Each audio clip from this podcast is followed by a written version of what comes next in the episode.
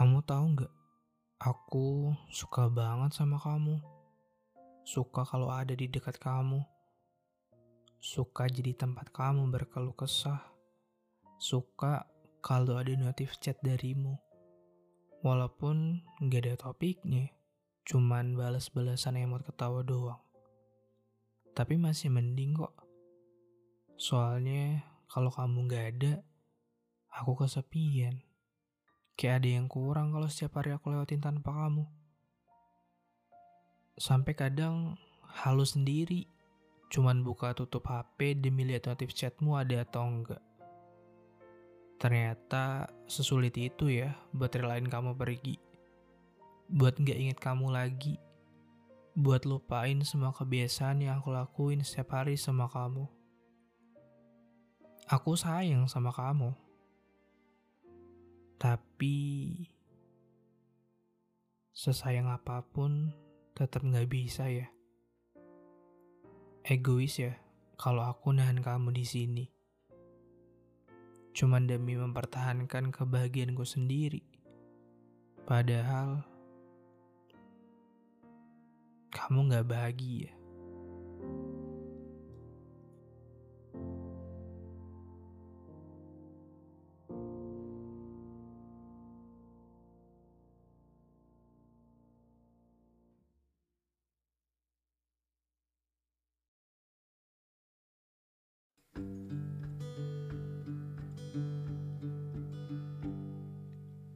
Hai, gimana kabarnya malam minggu ini?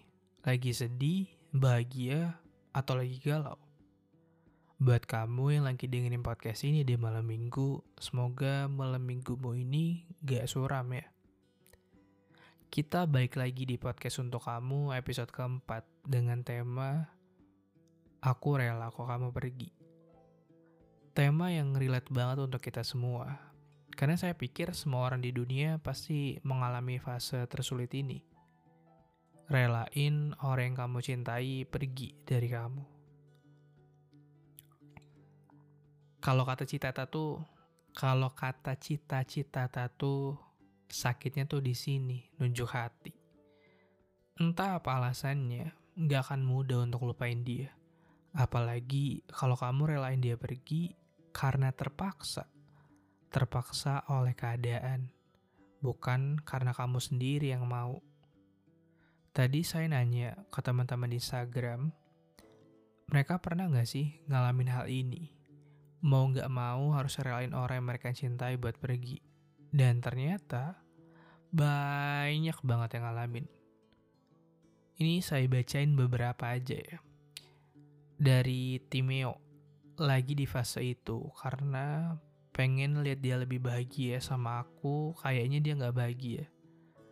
Sedih ya, bersama, tapi yang bahagia cuma satu orang, bukan keduanya. Dari Seren, pernah nggak dibawain orang tua, nyesek banget. Nah ini, terpaksa berpisah. Terpaksa harus rela dia pergi, bukan karena kemauan kamu sendiri, tapi karena keadaan. Nyesek banget ya tipe-tipe putus kayak gini biasanya ya move on-nya lama. Semoga Seren move on-nya cepet ya. Dari Waira, pernah. Karena memang sudah jalannya harus berpisah. Aduh, ini juga tipe-tipe yang terpaksa rela karena keadaan ya. Bersimpangan jalan. Kalau ibaratnya perempatan, dia mengkol kanan, kamu mengkol kiri. Dari Windy, udah punya istri. Loh, Loh, loh, loh, loh, loh. Kalau yang ini emang harus rela sih, kan nggak lucu ntar kamu jadi Lydia di dunia nyata. Is not your dream kan? Benar gak sih bahasa Inggrisnya? Dari Anthony, karena sadar ekonomi pilihan dia lebih mapan. Hmm, emang sekarang apa-apa perlu uang. Buat orang jatuh cinta ke kamu, emang gak perlu uang, tapi buat mempertahankan hubungan yang serius, kadang uang itu berperan penting.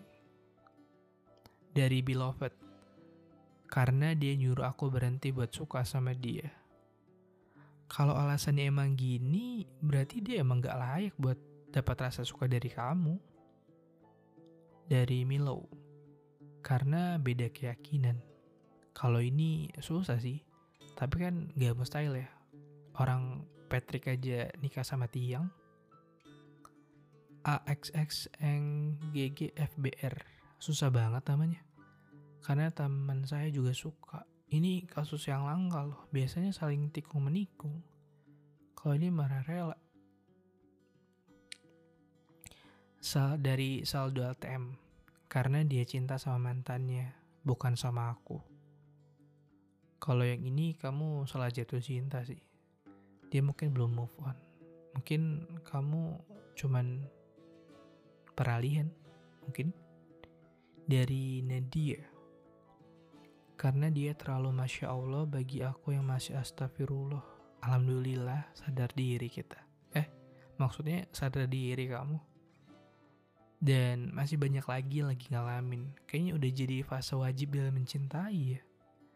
Kenalan, deket, jatuh cinta, sayang, sayang banget.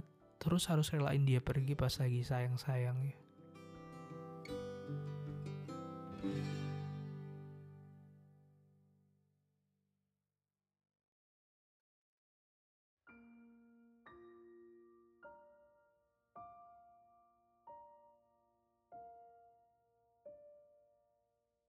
Saya jadi inget film You Are the Apple of My Eye versi original Taiwan tahun 2011. Ini film yang memorable banget. Film yang eh uh, menurut saya keren. Lucunya ada, anehnya ada, keselnya ada, romantisnya ada. Dan ending film yang gak akan pernah saya lupain. Bukan adegan ciuman si pemain utama, tapi kata-kata pemeran utama yang buat saya sampai sekarang berpikir keras. Saya selama ini mikir kalau cinta itu harus diperjuangin, gak peduli apa pun masalahnya. Yang penting saya bisa dapetin dia. Pasti saya dan dia bahagia, dan kalau dia sama yang lain, saya gak mungkin bisa bahagia.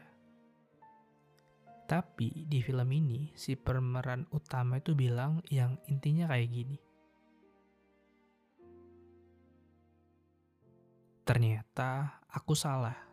Saat kamu benar-benar mencintai seseorang, kamu akan bahagia saat ia menemukan kebahagiaannya tanpamu. Dan saat itu, kamu pasti mendoakan mereka bahagia selamanya.